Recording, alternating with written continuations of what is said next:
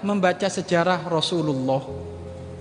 Membaca manakibnya baginda Nabi Muhammad sejarah Rasulullah. Rasulullah itu maulid kita itu. Makanya Anda kumpul dengan anak sehari jangan lupa cerita Rasulullah. Ya, makanya Anda kalau belum punya buku cerita tentang Nabi Muhammad, Anda harus beli. Sebaik-baiknya buku yang menceritakan Rasulullah. Sejelek-jeleknya buku yang jelek-jelekin Rasulullah.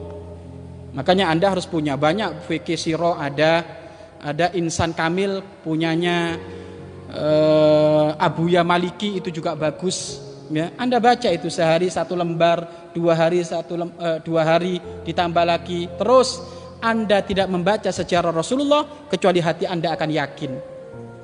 Akan yakin apa? Tambah iman kepada Rasulullah Rasulullah. Tambah senang kepada Rasulullah Rasulullah. Karena disebutkan di dalam Al-Qur'an wa kullan 'alaika min rusuli ma nuthabbitu bihi fuadak. Aku sebutkan cerita nabi-nabi terdahulu biar hatimu lebih mantep Muhammad.